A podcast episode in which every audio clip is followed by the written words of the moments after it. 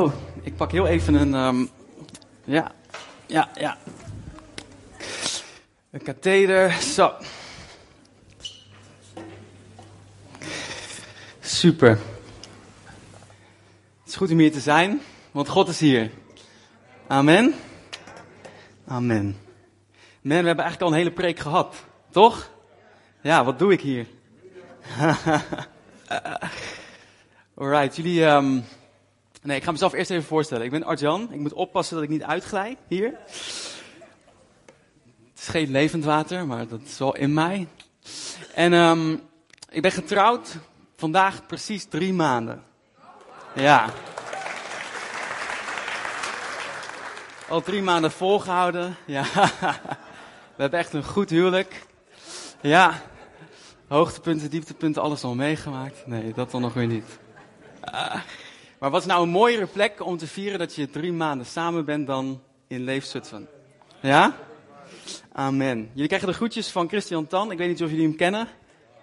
Oh, oké, gelukkig. Ja, ja. Nee, dan weet ik dat ik op de goede plek ben. En um, ik vind het mooi om hier te zijn. Weet je, het thema wat ik heb meegekregen voor vanochtend, en ik hoop dat de PowerPoint uh, eraan komt, ja, is alles wat je aandacht geeft groeit. En ik zat daarover na te denken en, um, en, en toen dacht ik over het woordje aandacht na. En toen dacht ik, aandacht heeft alles te maken met tijd. Hoe je je tijd besteedt. En tijd heeft weer alles te maken met prioriteit. Ja? Ik, ik zou kunnen zeggen, laat me je agenda zien en ik vertel jou wat je belangrijk vindt. Laat me je agenda zien en ik vertel jou wat je belangrijk vindt. En uh, ik wil beginnen met de eerste gedachte. Iedere dag doet ertoe.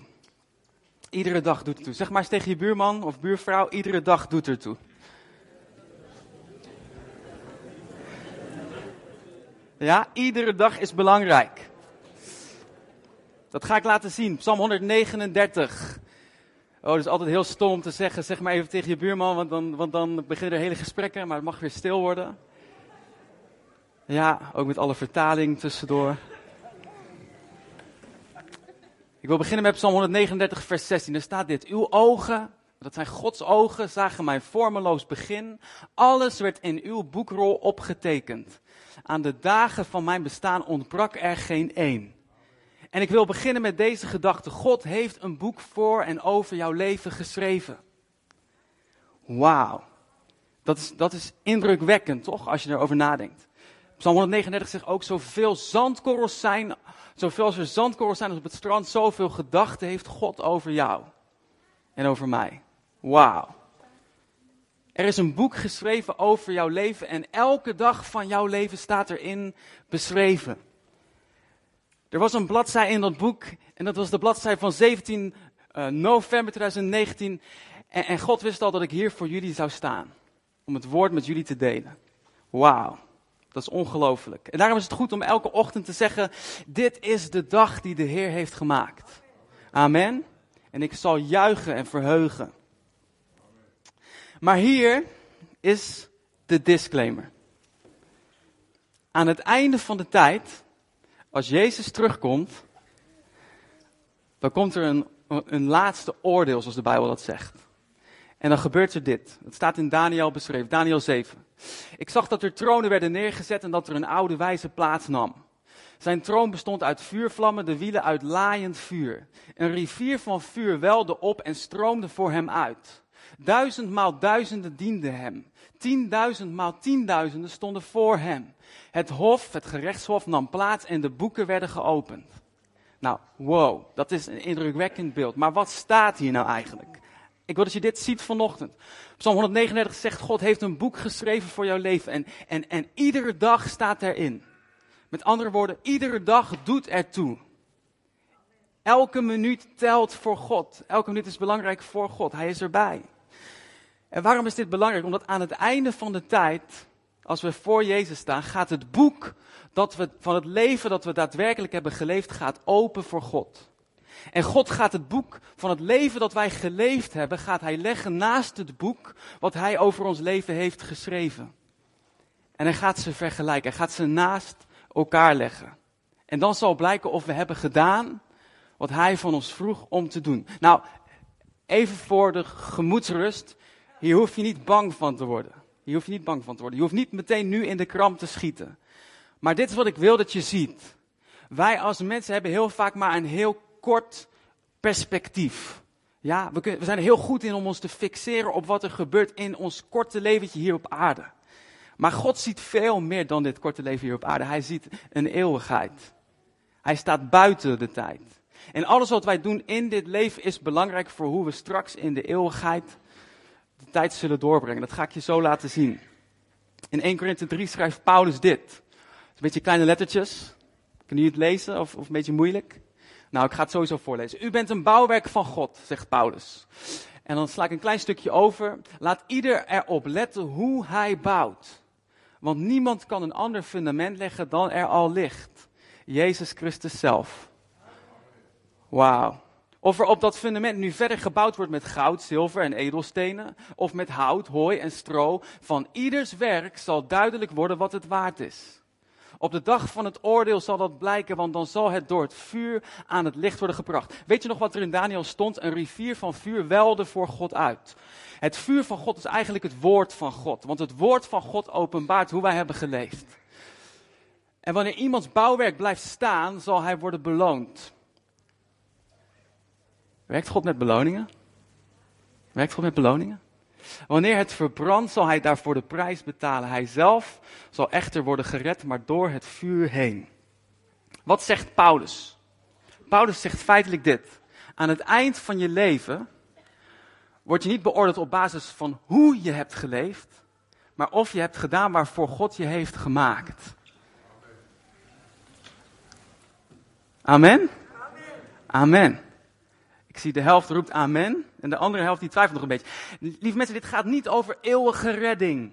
Dit gaat niet over eeuwige redding. Want Paulus zegt het fundament wat ligt is Jezus Christus zelf. Jij wordt niet gered op basis van hoe je leeft. Je wordt gered op basis van jouw geloof in Jezus Christus. Heel belangrijk om te zeggen. Maar dit gaat over eeuwige beloning.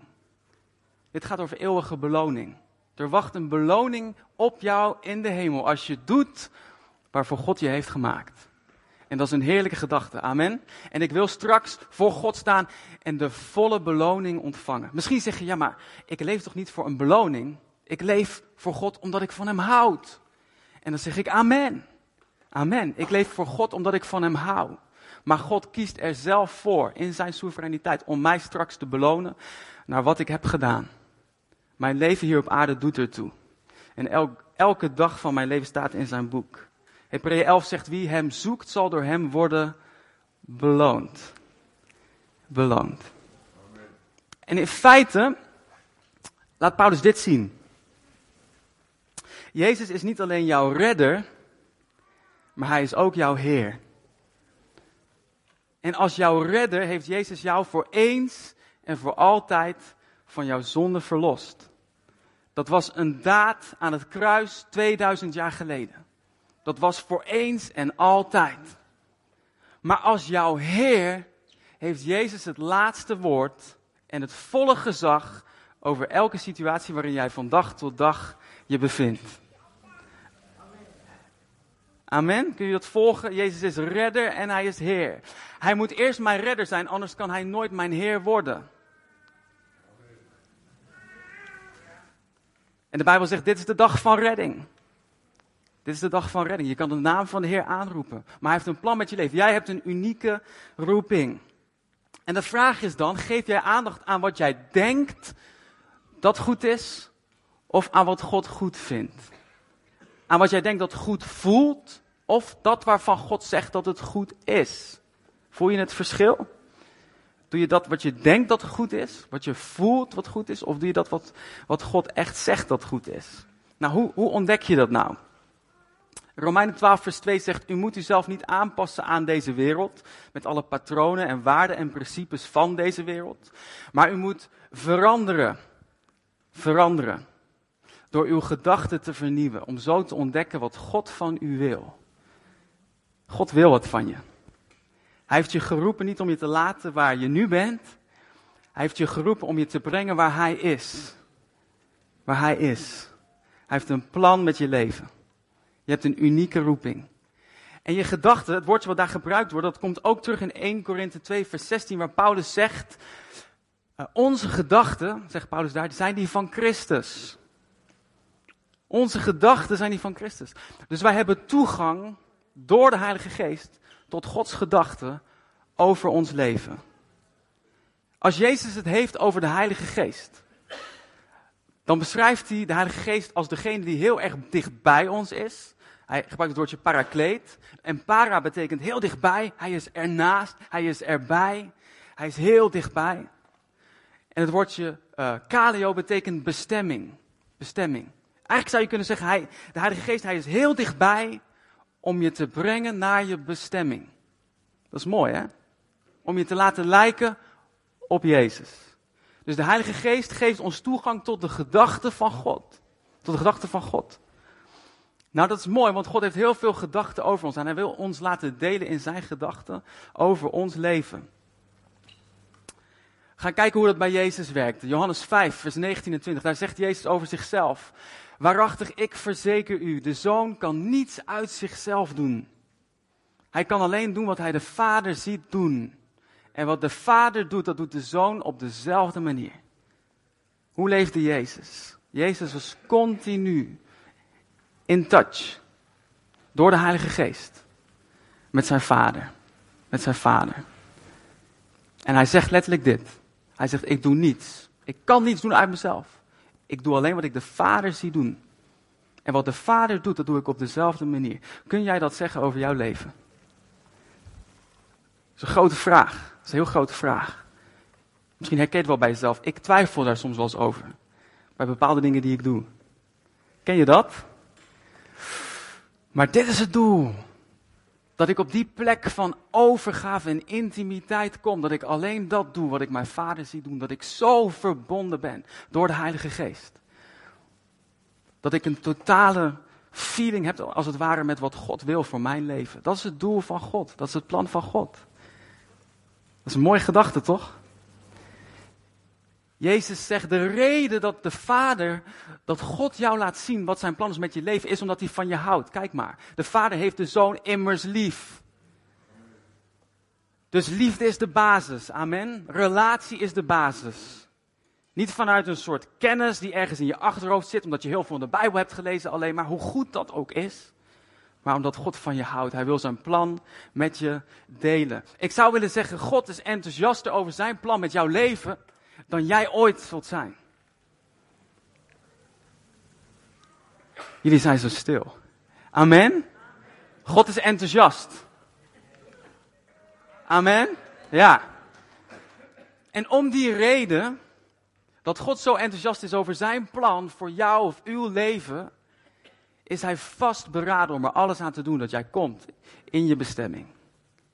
En dat jij aandacht geeft. Want alles wat je aandacht geeft, groeit. Dat jij aandacht geeft aan dat wat God jou geeft om te doen. Amen? Amen. Hoe weet ik dat? Hoe weet ik dat? Wat is nou de, zou je kunnen zeggen, lakmoesproef? Wat is nou de test waaraan ik kan zien dat God wil dat ik op dat plan kom waar Hij me toe op aarde heeft gezet? Dat is dat Hij me de Heilige Geest heeft gegeven. Daaraan weet ik dat God er alles aan zal doen. Dat Hij alles op alles op alles zal zetten. Om ervoor te zorgen dat wij wandelen op het pad dat Hij voor ons voorbereid heeft. Ik heb drie Bijbelteksten om, om, om dat te laten zien. Johannes 17, vers 5. Dan zegt Jezus dit over zichzelf. Ik heb op aarde uw grootheid getoond door het werk te volbrengen dat u mij opgedragen hebt. Dus Jezus deed alleen dat wat de Vader hem opdroeg. Dat liet ik zien in Johannes 5 en hier in het hoge priesterlijk gebed, vlak voordat Jezus naar het kruis toe gaat, daar herhaalt hij dat. En hij zegt tegen zijn vader, ik heb alleen dat gedaan wat u van mij vroeg. Maar Jezus is een model. Hij is een voorbeeld. Hij was de eerste. Opdat er velen zouden volgen die hetzelfde zouden kunnen doen. Amen. Hij heeft de weg bereid, zodat wij in zijn voetstappen ook dat konden doen wat God ons opdraagt om te doen. Amen. En in, en in Filippenzen 3 geeft Paulus dat aan. Hij zegt dit. Hij zegt, ik houd vol in de hoop eens dat te kunnen grijpen waarvoor Christus Jezus mij gegrepen heeft. Paulus zegt, er is iets waarvoor Jezus Christus mij gegrepen heeft. Wat was dat waarvoor Jezus Paulus ontmoette toen hij onderweg was en hij opeens door licht werd beschenen? Jezus riep Paulus om het evangelie te brengen aan de heidenen. Jij en ik zijn het product van Paulus' gehoorzaamheid aan zijn roeping van God. Wow. Wat als Paulus niet gehoorzaam was geweest? Speculatief. Maar wat als Paulus niet gehoorzaam was geweest? Misschien hadden jij en ik hier wel niet gezeten. Ja, maar God had iemand anders dan wel weer gebruikt. Maar ik durf te zeggen dat er mensen, en dit is een grote uitspraak, maar dat er mensen verloren gaan, mensen Jezus niet kennen, omdat er christenen zijn die niet gehoorzaam zijn aan wat God van hen vraagt. Dat is een grote gedachte. Maar God werkt door mensen. God werkt door mensen. Dus Paulus zegt hier, ik laat me niet afleiden. Hij zegt dit. Hij zegt één ding is zeker, ik vergeet wat achter me ligt en richt me op dat wat voor me ligt. En ik ga recht op mijn doel af. De hemelse prijs. Zie je het? Hetzelfde woordje, eigenlijk de hemelse beloning. Daar is hij weer. De hemelse beloning waartoe God mij door Christus Jezus roept. Maar dan zeg je, ja, maar dit is Paulus. Dit is Paulus. Paulus was heel gevoelig voor, voor Gods geest. Paulus heeft twee derde van de brieven van het Nieuwe Testament geschreven. Ik ben Paulus niet. Maar dan zegt Paulus dit. Hierop moeten wij ons allen, zeg het is allen, allen, dus ook jij, als volmaakte mensen richten. Dit, lieve mensen, zo gevoelig zijn voor de stem en de leiding van de Heilige Geest, zoals niet alleen voor Jezus. Want Jezus zei, zoals de Vader mij zond, zo zend ik jullie. En het was ook niet alleen voor Paulus, want Paulus zegt, zoals ik Jezus navolg, volg mij na. Zoals ik Jezus navolg, in zijn voetstappen, van dag tot dag. Jij bent geroepen en gemaakt door God als origineel. Er is niemand anders zoals jij. En God roept jou om niet te sterven als kopie van iemand anders. Jij bent gemaakt als origineel. En het is de bedoeling dat als je straks aan het eind van je leven komt, dat je sterft als origineel. Niet als kopie van iemand anders. Daarom zegt Paulus, verander niet door te kijken naar hoe de wereld werkt en hoe de wereld leeft, maar kijk naar God. Daar ontdek je jouw bestemming, daar ontdek je jouw doel. Geef aandacht aan dat waar God aandacht aan wil geven in jouw leven. Efeze 2 vers 10. Lieve mensen, ik hou van de Bijbel. Wie houdt er nog meer van de Bijbel? Ja? Ik hou van de Bijbel. Daarom noem ik zoveel teksten. Efeze 2 vers 10. Want Hij, God, heeft ons gemaakt tot wat wij nu zijn. In Christus Jezus geschapen om de weg te gaan van de goede daden die God van tevoren voor ons individueel heeft voorbereid. Heeft voorbereid.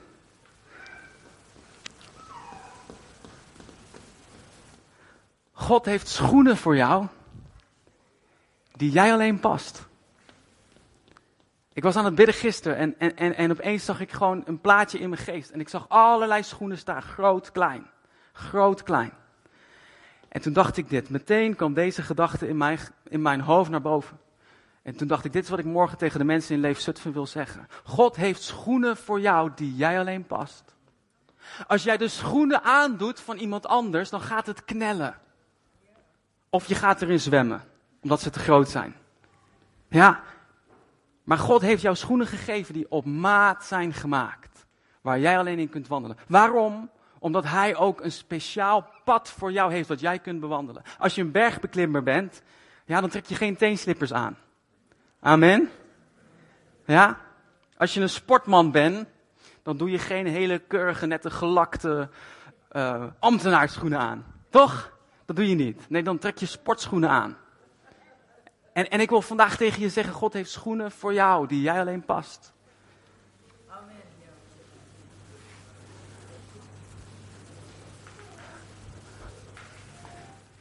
Loop niet in de schoenen van iemand anders. Loop niet naast je schoenen, zou je ook kunnen zeggen. Toch? En dan zeg je misschien, ja maar hoe dan? Ik ben blij dat je het vraagt. Hoe dan? Hoe ontdek ik nou welke schoenen God voor mij heeft? Hoe ontdek ik nou het plan dat God voor mij heeft? Oh, dat is zo'n goede vraag. En ik heb twee gedachten die ik met je wil delen vanochtend. Twee gedachten. En de eerste heeft te maken met de Bijbel. Ik zei al, ik hou van de Bijbel. Ik hou echt van de Bijbel. Ik lees veel in mijn Bijbel. Nou kan ik het voor mijn werk doen. Want dit is mijn werk. Ja, dus ik voel me gezegend dat ik dit mag doen. Ik mag de Bijbel lezen. Maar ik zou willen zeggen vanochtend, lees het woord van God totdat je het woord van God leeft. Lees het woord en leef het woord. Leef Zutphen. Leef het woord. Leef het woord. En zeg je, ja, maar dat is, dat is nog zo algemeen, want de Bijbel is zo'n boek. 66 boeken in één boek. Zoveel gedachten. Ontdek ik Gods plan door in Leviticus te lezen? Ja? Hoe dan? Hoe dan? Goeie vraag. Psalm 119, vers 105 zegt dit: Uw woord is een lamp voor mijn voet en een licht op mijn pad. Een licht op mijn pad. Wow. Als ik de schoenen aantrek die God mij geeft, dan kan ik wandelen op het pad dat Hij voor mij heeft.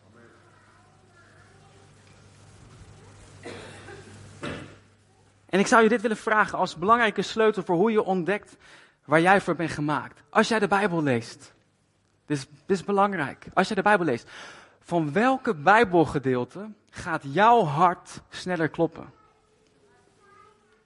Zijn er Bijbelteksten waarvan als je ze leest, dat je denkt, wow, dit lijkt wel alsof God het speciaal voor mij heeft neergezet hier op papier.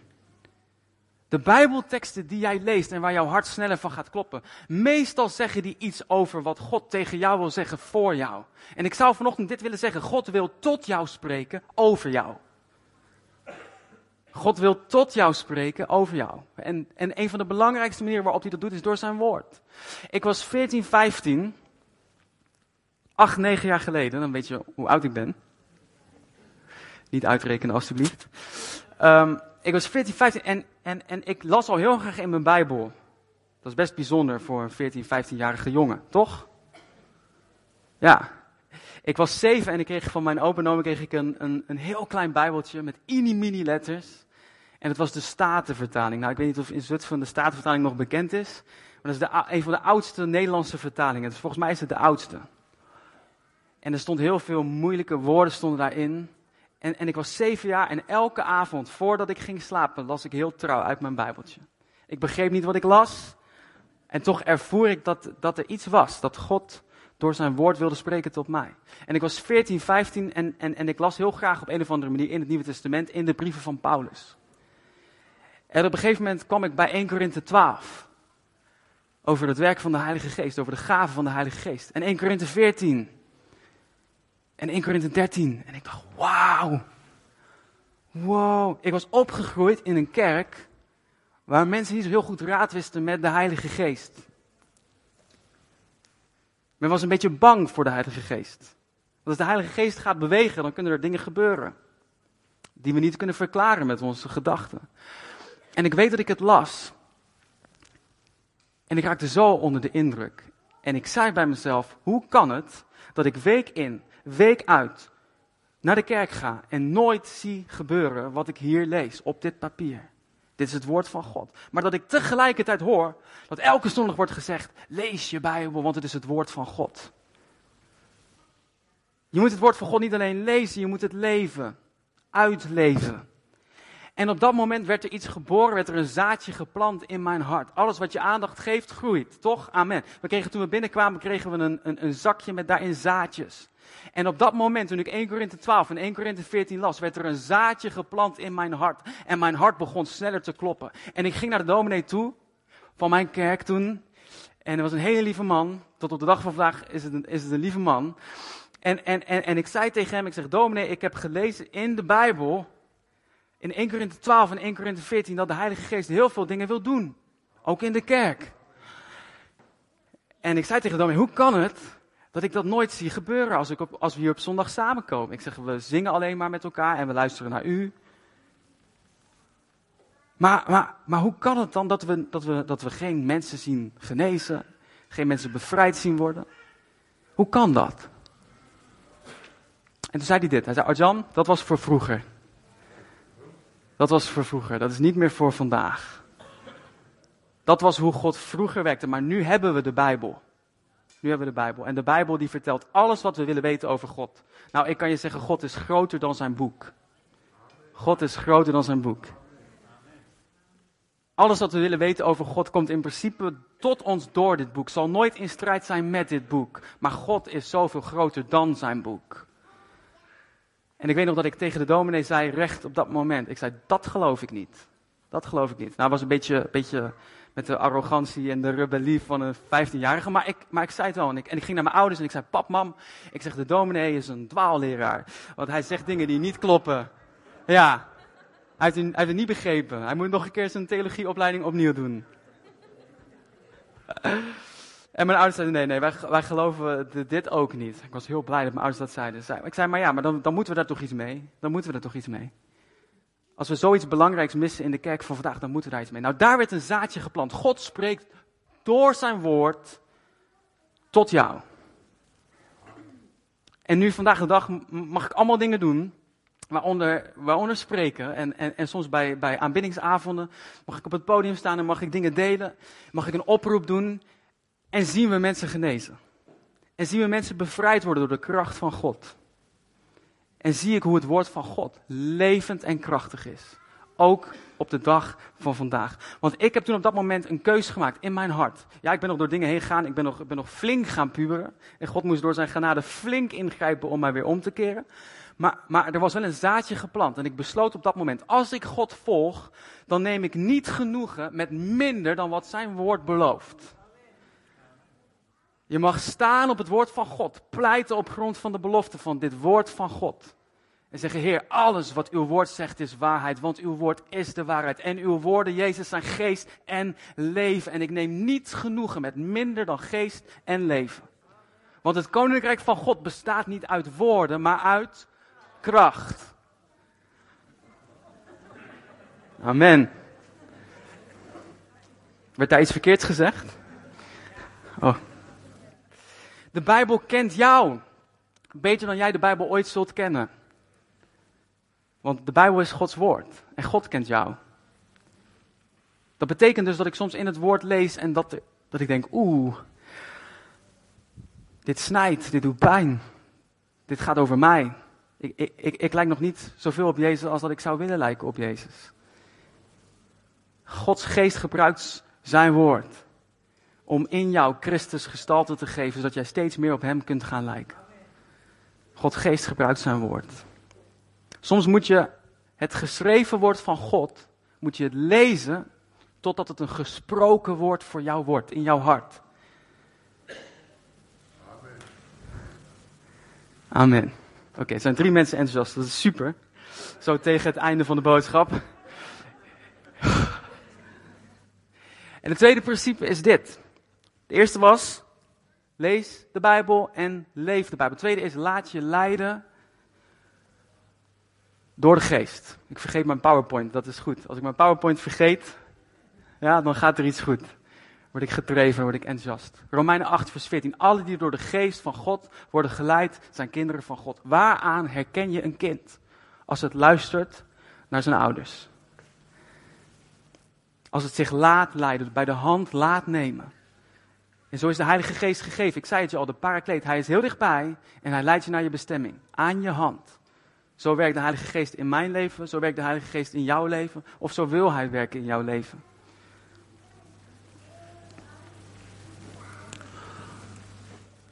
1 Johannes 2. Staat niet in, uh, heb ik niet doorgegeven, sorry aan de vertaling. Maar 1 Johannes 2 vers 28 zegt dit. Zijn zalving, dat is het woord voor de Heilige Geest wat in 1 Johannes 2 wordt gebruikt, leert u alles naar waarheid. Zijn zalving, de Heilige Geest leert jou alles naar waarheid.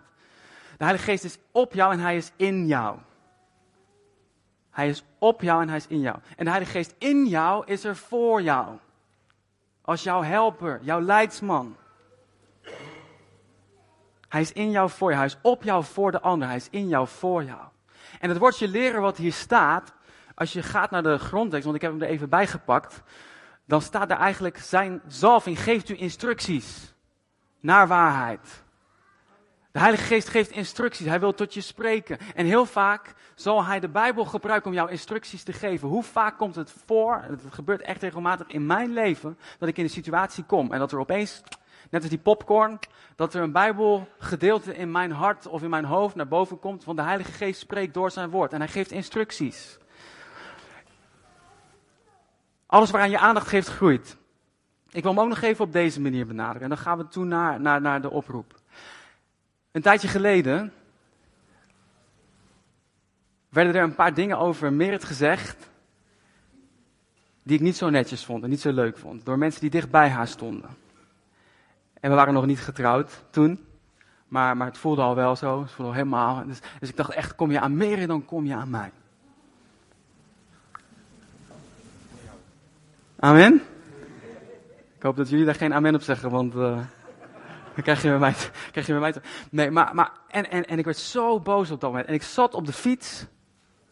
Ik zat op de fiets en, en ik begon in mijn gedachten allemaal minder nette dingen te denken over die mensen die wat minder nette dingen over Merit hadden gezegd. Ik werd echt heel boos. En ik schold ze de huid verrot in mijn gedachten en ik zat op de fiets en ik sprak het ook af en toe uit. Ik bedacht de lelijkste dingen. En weet je wat het ergste was? Op dat moment, ik dacht echt bij mezelf, ik sta in mijn volle recht om dit nu te denken. Want dat wat zij meer aan heeft gedaan was niet terecht. En een paar minuten later, ik zat in de trein en ik begon mijn Bijbel te lezen. Ik begon met mijn stille tijd in de trein. Soms doe ik dat. En ik begon te lezen en geen woord van wat ik las kwam binnen geen woord. En op dat moment ervoer ik, als het ware, het ongenoegen van de Heilige Geest over wat ik zojuist had gedaan. Ik ervoer gewoon, de Heilige Geest is niet blij. Hij is niet blij met wat ik heb gedaan.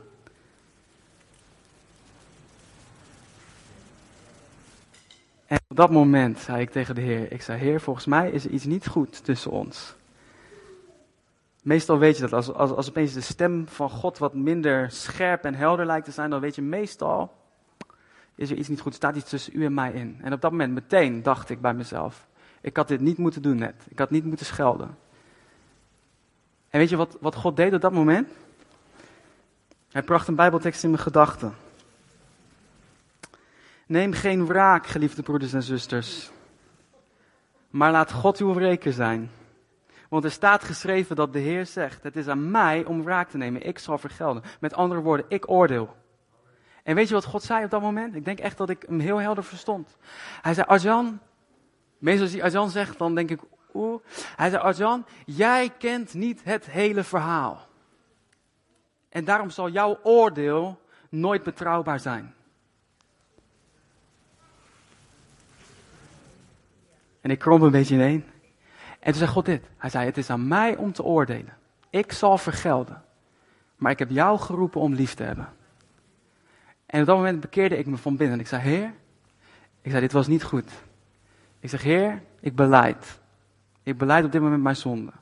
Heer, dit moet anders. Ik wil dit niet meer doen. En ik zei, Heer, help me op dit moment om de mensen om wie het gaat door uw ogen te zien.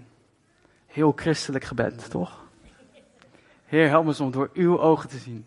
Met mijn eigen ogen, maar ik weet het niet maar met uw ogen. En op dat moment kwamen de vrede en de liefde van de Heilige Geest kwamen weer mijn hart binnen. Ze vulden mijn hart weer.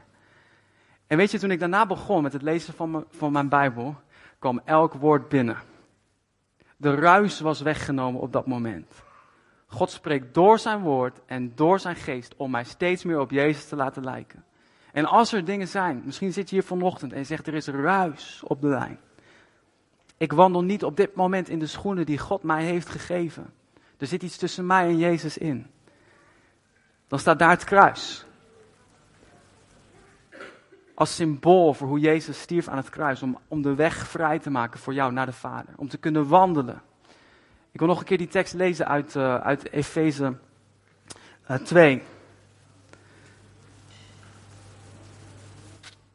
Want Hij, God, heeft ons gemaakt tot wat wij nu zijn. In Christus Jezus. Zie je dat? In Christus Jezus. Niet op grond van wat ik doe of heb gedaan, maar op grond van wat Jezus voor mij heeft gedaan. heeft Hij mij geschapen om de weg te gaan van de goede daden die God voor mij heeft voorbereid. En vandaag wil ik je, wil ik je uitnodigen. Als je hier zit, jong, oud, klein, groot, zwart, wit. Dat vind ik mooi hier. Dit is, dit, is, dit is een van de weinige, niet zo hele witte kerken. Daar word ik heel erg blij van. Amen. Amen. Welke schoenen heeft God jou gegeven? Ik zag gisteren, in, in, en terwijl ik aan het voorbereiden was, zag ik allemaal schoenen voor me. En ik wil, en ik wil op dit moment, wil ik je leiden, gewoon collectief in een moment van gebed. En je mag je ogen sluiten. En dan gaan we vragen, heel eenvoudig, aan de Heilige Geest. Hij is hier. Hij werkt hier. Hij verheugt zich op dit moment, terwijl je hier zit zoals je zit, verheugt hij zich in jou. Hij is blij met je. En ik wil je vragen, sluit je eens en vraag maar aan de Heilige Geest. Heer, welke schoenen mag ik aantrekken? Heer, welke goede daden heeft u voor mij voorbereid in Christus Jezus? Heer, help me om die weg te gaan van goede daden. Nou hou ik even mijn mond en dan mag God spreken. Laat hem maar spreken.